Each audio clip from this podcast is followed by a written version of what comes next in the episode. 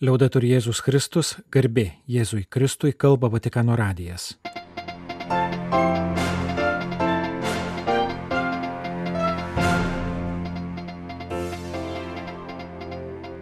Malonus klausytojai šioje programoje. Kinijoje įsteigta nauja biskupija, paskirtas pirmas vyskupas. Vatikano bei Santomė ir principės dvišalis susitarimas. Vienuolijų pasirengimas jubiliejui ir pašvestojo gyvenimo dikasterijos sekretorės interviu. Šventojo Jono Bosko sapnas.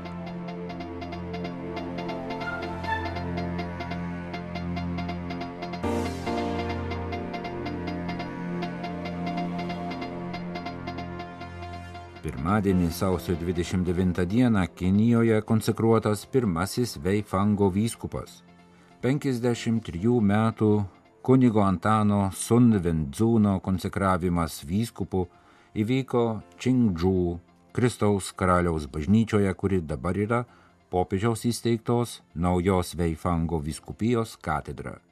Šventasis sostas ir Kinijos valdžia suderino vyskupo skirimo ir naujos viskupijos Šandongo provincijoje rytų Kinijoje įkūrimo klausimus 2023 m. balandžio 20 d.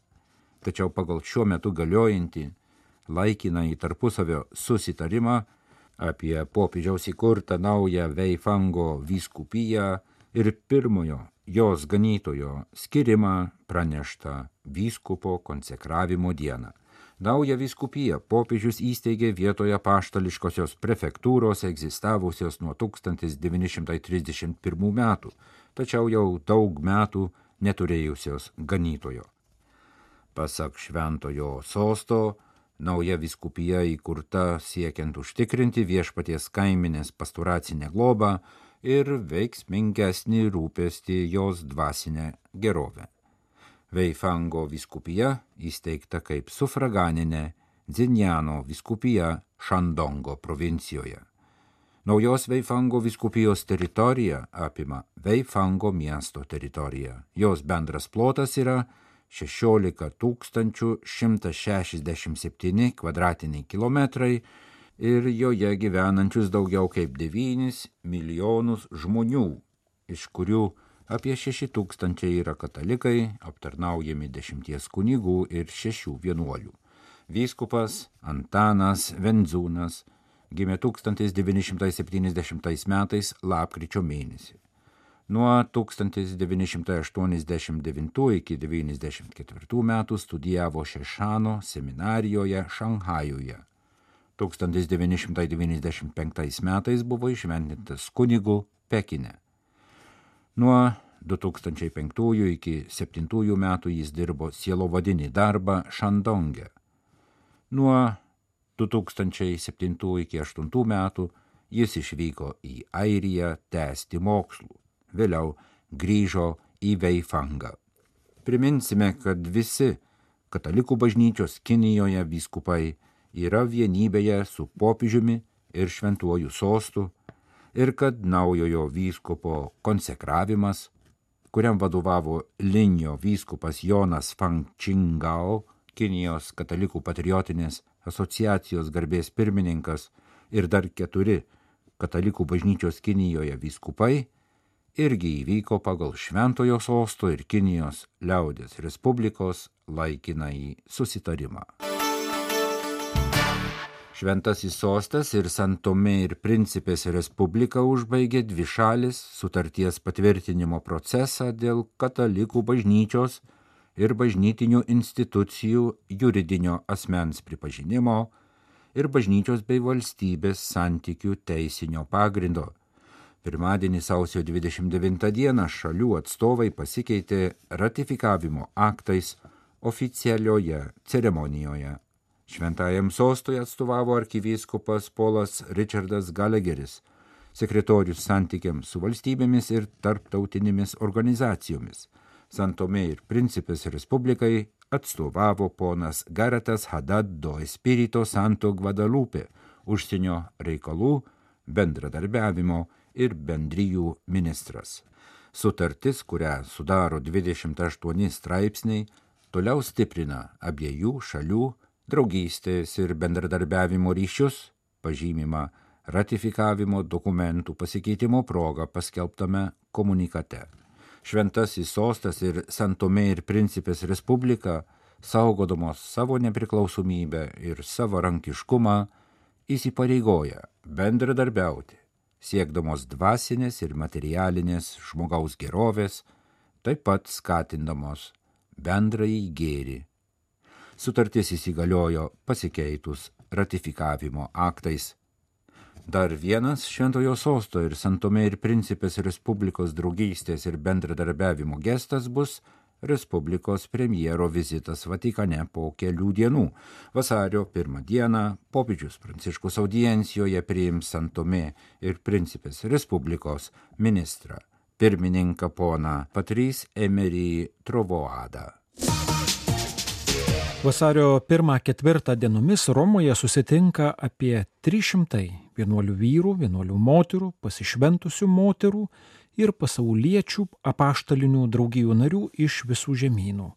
Tai vienas iš pasirengimo etapų 2025 m. jubiliejui, įskaitant pašvestajam gyvenimui skirtą jubiliejinį susitikimą. Pašvestojo gyvenimo ir apaštalinių draugijų dikasterijos interneto svetainėje pateikiama tokia chronologinė lentelė. Paskutinius šešis 2023 m. mėnesius vienuolijos buvo pakviestos skirti temai susitaikymo truškulys. 2024 vasario pradžios konferencija Romoje yra kitas žingsnis skirtas temai būti susitaikymo ženklais tarp žmonių. 2025 vasario antrąją dieną vienuolijos ir apaštalinio gyvenimo draugijos yra kviečiamos švęsti 2025 m. jubiliejų ten, kur gyvena, o 2025 spalio 8-12 dienomis Romoje įvyks tarptautinis ir pagrindinis pašvestojo gyvenimo jubiliejinis susitikimas. Kaip nurodo pašvestojo gyvenimo dikasterijos prefektas kardinolas Žuavo Brazas de Avizas, pasirengimas jubiliejui remiasi praėjusių metų sinodinio kelio patirtimi - atsisėsti kartu prie apvalaus stalo, įsiklausyti į visus balsus ir maldoje atpažinti naujus kelius. Pašvestasis gyvenimas keičiasi, yra įtakojamas laiko aplinkybių, netrūksta sunkumo ir krizės momentų. O tai taip pat kalba apie atsinaujinimo ir reformos būtinybę, apie atsivertimo ir naujų kelių paieškas, pasitikint šventosios dvasios vedimu ir tvirtai žinant, jog pašvestasis gyvenimas yra Dievo dovana žmogui ir visai bažnyčiai. Kardinolas prefektas taip pat pabrėžė bendrumo aspektą. Mūsų laikams būdingas individualizmas stipriai įtakoja ir dvasingumą. Todėl reikia pabrėžti, jog esame susiję, tam tikrą prasme esame vienas kito dalis ir einame pirmin kartu. Pirmin kartu su visa bažnyčia ir šventuoju tėvu, pridūrė pašvestojo gyvenimo dikasterijos prefektas, primindamas, jog ateinantį penktadienį, vasario antrąją, bus švenčiama viešpatės paukojimo arba grabnyčių šventė ir tuo pačiu pasaulinė Dievui pašvestojo gyvenimo diena. Šią progą popiežius Pranciškus aukos mišes Šventojo Petro bazilikoje o vienuolijų ir apaštalinio gyvenimo draugijų konferencijos Romoje nariai bus vieni iš pagrindinių šios šventės dalyvių. Iš Mozambiko į Romos kuriją Sesuo Simona Brambila, pagodos seserų kongregacijos misionierė, popiežiaus pranciškaus paskirta, pašvestojo gyvenimo institutų ir apaštališkojo gyvenimo draugijų, dikasterijos sekretorė, dalyjasi mintimis apie naująją tarnystę. Norint, kad taika pasaulyje sudygtų ir auktų, reikalinga esminė matrica - sveiki vyro ir moters santykiai Tuo įsitikinusi naujoji Vatikano pašvestojo gyvenimo institutų ir apaštališkojo gyvenimo draugijų dikasterijos sekretorė Simona Brambila. 58 metų vienuolė pagodos seserų kongregacijos misionierė yra pirmoji moteris einanti šias pareigas. Be to ji yra antroji vienuolė tapusi Vatikano dikasterijos sekretorė po sesers Alessandros Smerilli tarnavimo integraliai žmogaus pažangai dikasterijos sekretorės. Ar šis paskirimas tai moters vaidmens pašvestajame gyvenime pripažinimas? Sesuo Simona Brambila sako, kad šis šventojo tėvo pasirinkimas vyksta vis labiau sinodinėme, atviresnėme, evangelinėme, dialogiškame bažnytinėme kelyje.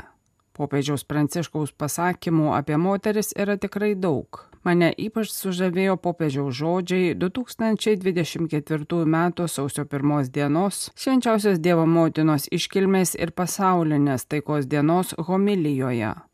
Bažnyčiai reikia iš naujo atrasti savo moterišką veidą, sekant Mariją, panašesnė į jos moters mergelės ir motinos, kuri yra pavyzdys ir tobulas asmuo. Suteikti erdvės moteriams ir skatinti sielovadą, kurią sudaro rūpestis, kantrybė ir motiniška drąsa. Pasaulis taip pat turi žvelgti į motinas ir moteris, kad atrastų taiką, pabėgtų iš smurto ir neapykantos rato, atgautų žmogišką žvilgsnį ir širdį, Kiekviena visuomenė turi priimti kiekvienos moters dovaną, ją gerbti, saugoti, vertinti, žinodama, kad kas nuskriaudžia bent vieną moterį, išniekina Dievą gimusi iš moters, sakė Simona Brambila. Pasak jos, norint, jog sudyktų, auktų ir berestų taika kiekvieno žmogaus širdyje, tarp žmonių, tarp tautų, pasaulyje, reikia pirmą pradžio dirbožėmio derlingumo, sveikų, pagarbių, pasitikinčių, švelnių, gyvybiškų santykių tarp vyro ir moters. Panašiai kaip turėjo būti laikų pradžioje, tame sode, kuriame Dievas mėgo vaikščioti pučiant dienos vėjui, ieškodamas vyro ir moters. Kaip sesuo Simona Brambila priėmė šį paskirimą, Skambutis sutrikdė jos planus po 2023 m. gegužės birželio mėnesio generalinės kapitulos, kai baigė 18 metų tarnystės savo kongregacijos valdyme. Šį paskirimą ji priima kaip pašaukimą, kvietimą tęsti misiją kitaip, pašvestiesiems vyrams ir moteriams, tarp jų ir su jais. Ar šis paskirimas galėtų prisidėti suteikiant bažnyčiai moteriškesnį veidą? Lapkričio 30-ąją popiežius kalbėjo Tarptautiniai teologijos komisijai apie būtinybę demaskulinizuoti bažnyčią. O gruodžio 4-5 dienomis vyko kardinolo susitikimas, kurio pagrindinė tema buvo būtent moteriška bažnyčios dimencija. Pasak sesers Simonos Brambilos, tai ne tik skatina ir tolesnius temos apmąstymus, bet jie turi virsti veiksmingą praktiką, kuri nebejotinai jau vyksta per aktyvesnį moterų dalyvavimą įvairiuose bažnyčios gyvenimo ligmenyse. Taip pat reikia pagilinti moteriškos bažnyčios ir misijos dimenciją plačiaja prasme mąstymo, artimo meilės, jautrumo, dvasingumo, veiklos, misijos modeliai ir dinamika įkūnijantis du gyvybiškai svarbius moteriškojo ir vyriškojo pradų aspektus ir atsižvelgiantis į būtiną sąveiką tarp jų. Pašvestasis gyvenimas ilgą laiką buvo sinodalumo laboratorija. Kaip tai gali padėti visai bažnyčiai keliauti kartu?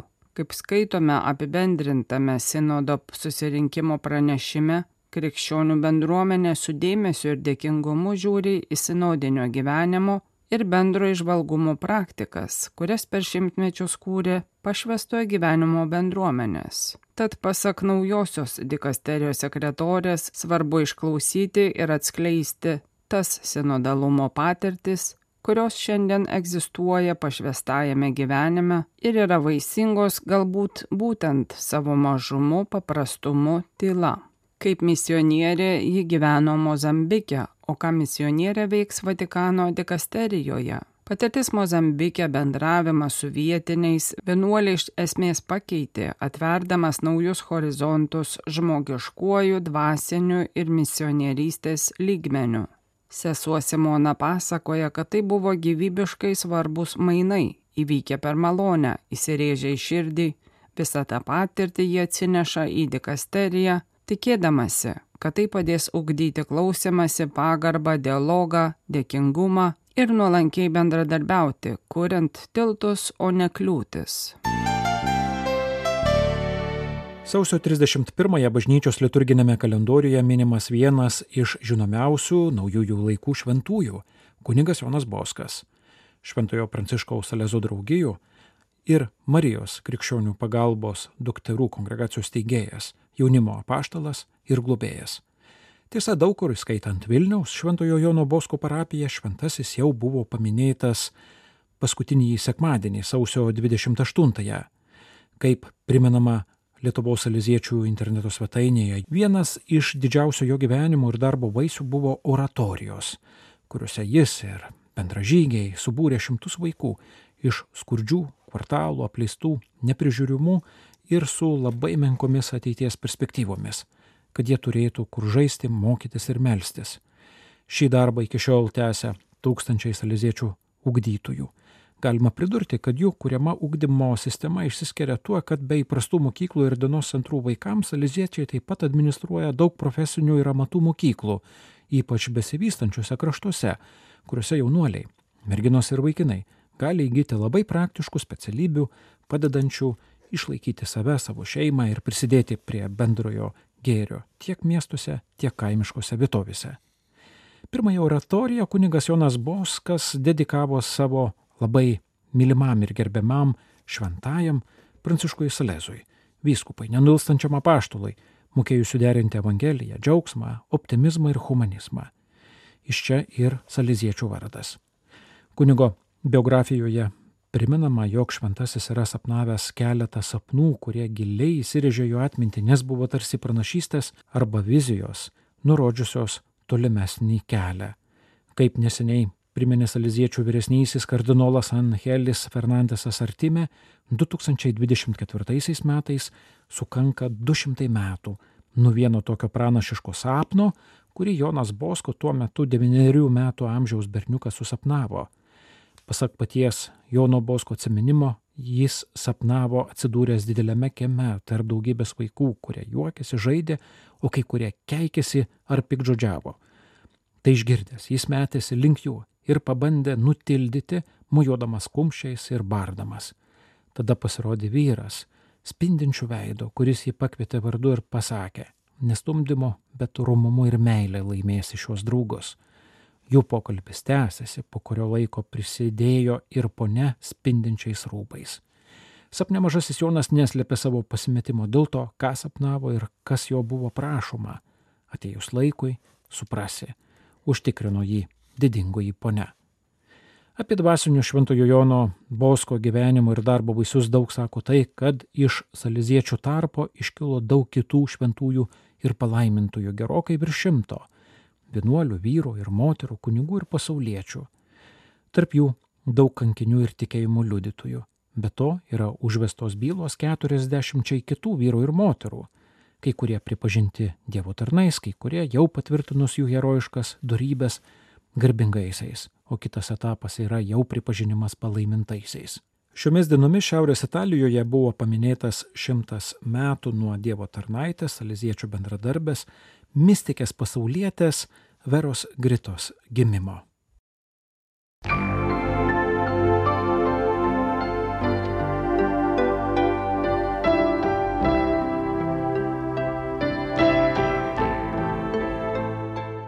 Malonus klausytojai laidą lietuvių kalba baigiame. Kalba Vatikano radijas. Garbė Jėzui Kristui, liaudai turi Jėzus Kristus.